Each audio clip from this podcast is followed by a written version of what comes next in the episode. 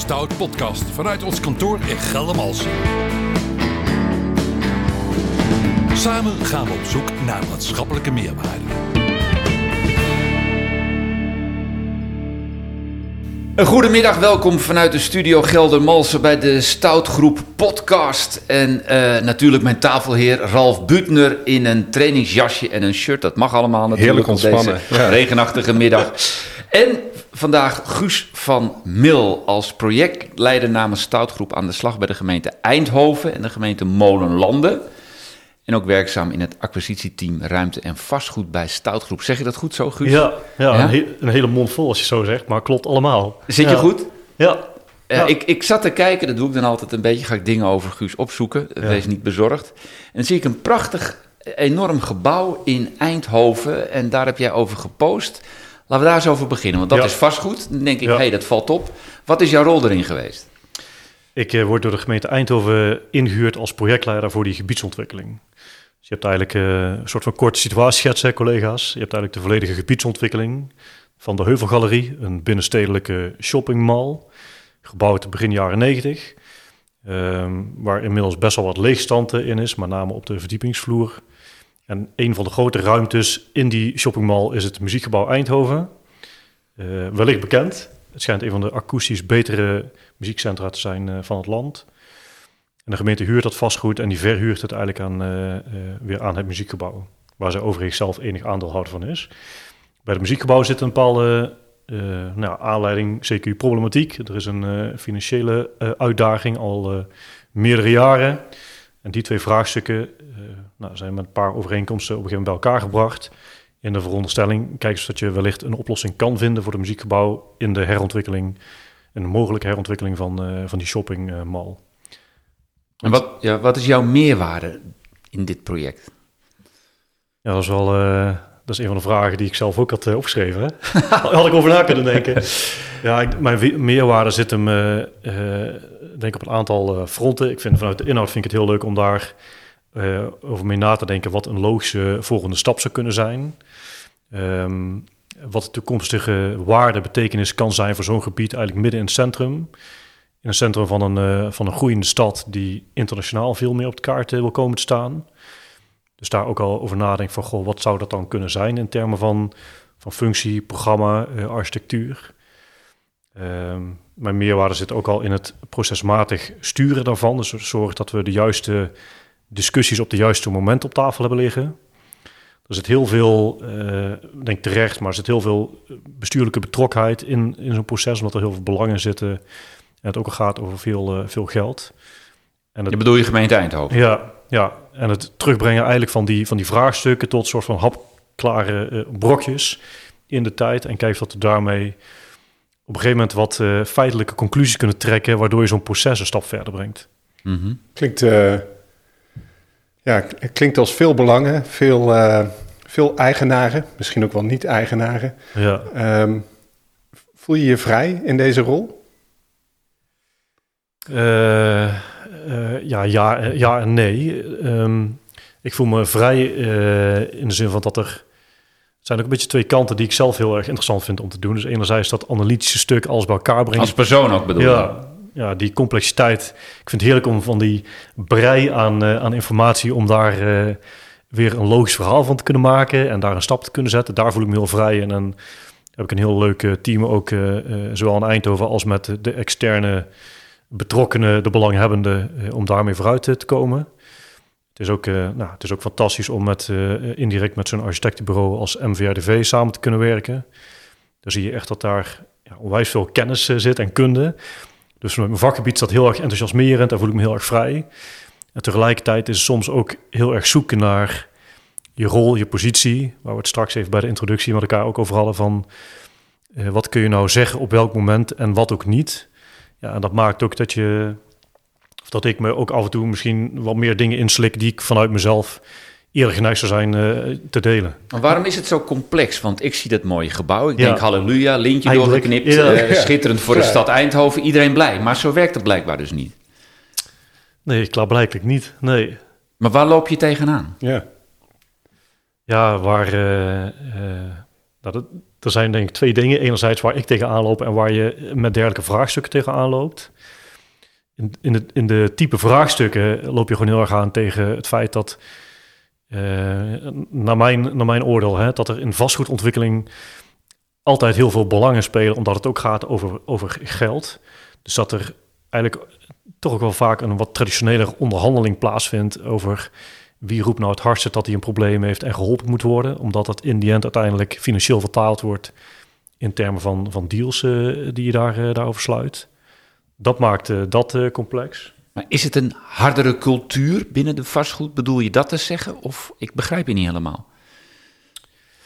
Um, het is wat meer om elkaar heen draaien. Hè? Dus als je. Wantrouwen. Ja, Misschien een gewaagd, gewaagde stelling. Is ja, ja, de, de, financieel uh, beste oplossing niet altijd de beste oplossing voor een gemeente of voor haar inwoners? Ja, mee eens. Ja. Weet je, en daar, uh, als we de verkeerde kant gaan het verhaal, dan onderbreekt me vooral. Hè, maar ik denk dat je daar iets te pakken hebt, Ralf. Dat, uh, um, als ik mijn hart laat spreken vanuit mijn stedenbouwkundige achtergrond en de visie op de stad en wat de stad nodig heeft, dan denk je, goh, die stad die wil groeien. Je kijkt naar voorzieningenniveau, uh, kun je dat op, niveau brengen? Ja, als dat zou kunnen, weet je al, dan wil je volle bak investeren in zo'n muziekgebouw. En dan wil je dat in het centrum houden van de stad, omdat het een enorme spin-off geeft. Heel veel bezoek in zo'n centrum, geeft veel levendigheid. Uh, ik snap ook helemaal dat je zegt, we willen dat programma gaan verdichten. Alle reden als gemeente om daar volle bak op in te zetten. Terwijl tegelijkertijd heb je letterlijk vanuit je contractuele positie... heb je eigenlijk meer een, een, uh, ja, een teruggetrokken houding, wat meer faciliterend... waarbij je zegt, nou, we zijn geen eigenaar van het vastgoed... Dus als er op een gegeven moment een probleem is tussen aanhalingstekens in het vastgoed. Wie zijn we? We zijn geen eigenaar van het vastgoed. De gemeente is geen eigenaar van het vastgoed. Okay. vastgoed ja. ja. Um, dat is de vastgoed-eigenaar, de belegger. Uh, ja, dus als die daar iets anders mee wil, dan is het in beginsel aan, aan hem om daar uh, plannen voor te maken en bij de gemeente aan te kloppen als ze iets anders willen. Dus waar, uh, ik weet niet dat het antwoord is op je, op je vraag. Ja, ja zeker, zeker. Ja. Maar daar, daar zit het een beetje. Dus naar elkaar kijken van wie heeft hier nou het grootste probleem en hoe kunnen we. ja, weet je, als mens zijn, dan zou ik zeggen: leg gewoon op tafel waar je belang zit, waar je doel zit. En laten we met elkaar kijken of dat we stappen kunnen zetten en verder komen. Even als leek dan, hè? want ja. dat klinkt voor mij alsof een gemeente, uh, alsof je eigenlijk ook zegt, een gemeente zou in dit soort vraagstukken een veel minder faciliterende rol in moeten nemen en misschien wel een stap naar voren moeten doen en moeten zeggen, uh, dat vastgoed is wel van ons. Ik weet helemaal niet of dat kan hoor, maar uh, hoe, hoe, werkt zoiets? Nou, je, kan, uh, je kan sowieso natuurlijk een stap vooruit zetten door te zeggen, ongeacht het feit dat wij geen eigenaar zijn van het vastgoed, vinden wij het een zodanig belangrijk uh, belangrijk stuk van de binnenstad. En wij vinden dat we daarom ook um, een urgentie hebben om na te denken over wat de betekenis gaat zijn naar de toekomst toe van dat stukje stad. Maar ik denk dat je dan wel heel goed moet onderbouwen, ook naar het feit dat je dus over iemand anders zijn eigendom wat gaat roepen, wat gaat vinden, waarom je de, die verantwoordelijkheid naar je toe haalt. is dat niet wat we, wat we juist als inwoners allemaal van onze gemeente verwachten? Dat ze, dat ze juist soms een beetje ondernemerschap laten zien en uh, ja. ook in het belang van ons als, als inwoners? Uh, ja, maar dat heeft. Uh, um, klinkt een beetje alsof ik je met allerlei belemmerende factoren zit. Hè? Nou, ja, maar, maar, je zit een beetje op eieren. Je loopt ja. een beetje op eieren volgens mij, Guus, of niet? Nou, het is Toch? de vraag die jij stelt ook, Ralf. ik denk, ja. weet je, ja, ik zou dat als burger, zou ik dat vanuit de inhoud fantastisch vinden. Tegelijkertijd, als dat betekent dat die, die gemeente, in dit geval, ik, ik woon ook in Eindhoven, dus ik betaal keurig belastingen. Mm -hmm. Ik doe netjes mijn, mijn plicht. Uh, kan ook betekenen dat, uh, dat er volgend jaar in de begroting staat dat er een half miljoen euro is uh, uitgetrokken om een plan te maken voor een binnenstedelijke locatie waarvan je dan denkt, ja, waar komt, dan, waar komt dat geld dan vandaan? Hè? Ergens moet het uitgedekt worden terwijl je geen eigenaar bent. Ja. Ik ga ook geen ontwerp maken voor jouw huis, Ralf. Dat zou ook, ja, tenzij je me dat vraagt. En, uh, hè? Dus daar, ja. Maar je hebt het eigenlijk al gezegd, hè? Um, uh, als je gaat kijken wat, wat de belangen zijn hè, bij dergelijke grote projecten waar je dan mee bezig bent. Dat zijn dan stakeholders, zoals dat heet. Hè? De ja. vastgoedeigenaar, de gemeente, provincie, muziekgebouw, bedrijfsleven. Hoe beweeg jij je daarin? Want jij bent een vrolijke, positieve jongen, heb ik begrepen. Zo zit je hier ook. Moet je dan de hele tijd denken van manoeuvreren, een beetje verkrampt? Uh, uh, hoe ben jij als, als stoutgroepmedewerker daarin? binnen al die, die, die, die, die, die, die, Mhm. pijlers eigenlijk Ja. van zo'n project? Leuke vraag, eh, Jan. Ja, daarvoor zit ik hier dan. Ja. laat ik dan eens een leuk antwoord geven. Daar zit ik natuurlijk ook wel voor. ja. Eh, nou, leuk dat je die, of die, die link legt met, met als stoutgroeper. Dat is ook al de reden waarom ik denk dat ik, eh, ondanks het feit dat ik hier anderhalf jaar werk, dat ik ook wel goed pas bij een stoutgroep. Mhm. Ehm, ja, wanneer ik me dus eigenlijk ook wel als een vis in het, in het water voel en waar ik erg mezelf kan zijn, zit hem juist in, even los van die complexiteit waar we het straks wat, eh, wat over hadden, hè, dan wordt het ook een heel academisch, rationeel verhaal. Ik denk dat mijn kracht ook op een gegeven moment zit in het bij elkaar brengen van mensen, van partijen eh, en juist dat, dat randje eraf halen van eindeloos wachten en, en strategie bepalen. Eh, juist veel meer zeggen van, goh, ja, laten we nou eens gewoon bij elkaar komen en een stap zetten. Hè? En laat het ook niet moeilijker maken dan, dan nodig is, want, want we willen vooruit. Maar gaat het ook om macht? Heb jij genoeg macht om met de vuist op tafel te slaan? Heb jij... Nee. Nee, dat Nee. is reëel. Dat is reëel. Ja. Want het, het, het- er zijn machtsbelangen hier toch ook Ja. gaande, of niet? Ja, dat is, eh, en ik herinner het me uit eh, allerlei methodieken rondom programmamanagement, hè, sturen vanuit macht of vanuit de Mhm. hiërarchische positie of vanuit een, een financieel belang. Maar ja, ik stuur hier eh, hoofdzakelijk echt vanuit, eh, ja, van, vanuit, vanuit goodwill, vanuit, eh, vanuit de relatie. Dus vanuit, vanuit gunning. Ja. Past dat ook bij, bij eh, hoe jij als persoon in elkaar steekt? Eh, ja, wel. Ja. Ja? Kun je daar iets meer over vertellen? ja. Dan wordt het een persoonlijke uh, touch. Nou, dat maakt niet ja, uit. Ja. Daarvoor zitten we ook hier. ja. Mooie vraag. Dus dacht even 20 minuten over het project rustig aan, ja, weet je wel. Ja, ja, ja. Nee, daar kom ik niet meer weg. Nee. Ja, nee, daar voel ik me ook al eh, bij op mijn gemak. Dus het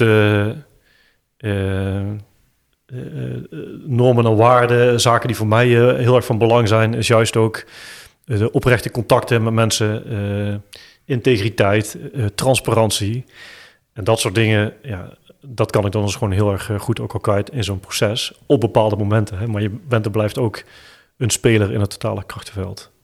Kun je eens concreet zijn waar je tegenaan loopt? Waarvan je dan ontzettend baalt en of waar jij juist heel vrolijk van wordt en waar je een positieve wending aan kan geven. Want het is, het is natuurlijk een beetje ambtelijke taal hier en daar, processen, projecten, weet je wel. Bedoel, Ja. ja. eh, dus, dus word eens concreet. Ehm, ja, waar ik, eh, eh, en dan bedoel je de vraag waar ik in welke fase of wat voor dingen waar ik Ja. heel veel plezier uit haal.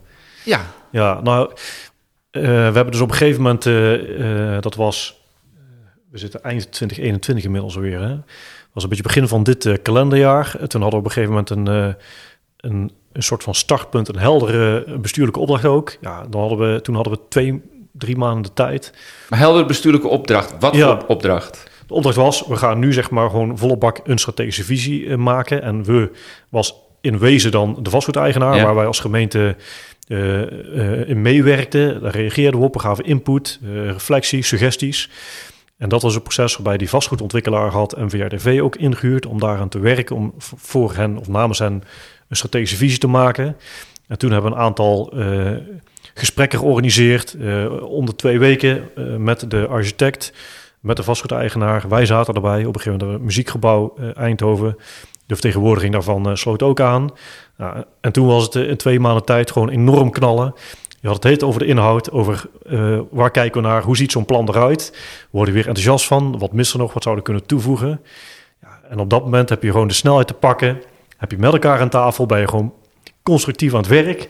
Ja, ik zit ook meteen, ja, jullie zien niet eh, omdat je alleen mijn stem hoort, maar Ja, je ook erbij. Wat, wat, wat glundert, Ja, ja, die hoort ik al blij van. het is ongekend.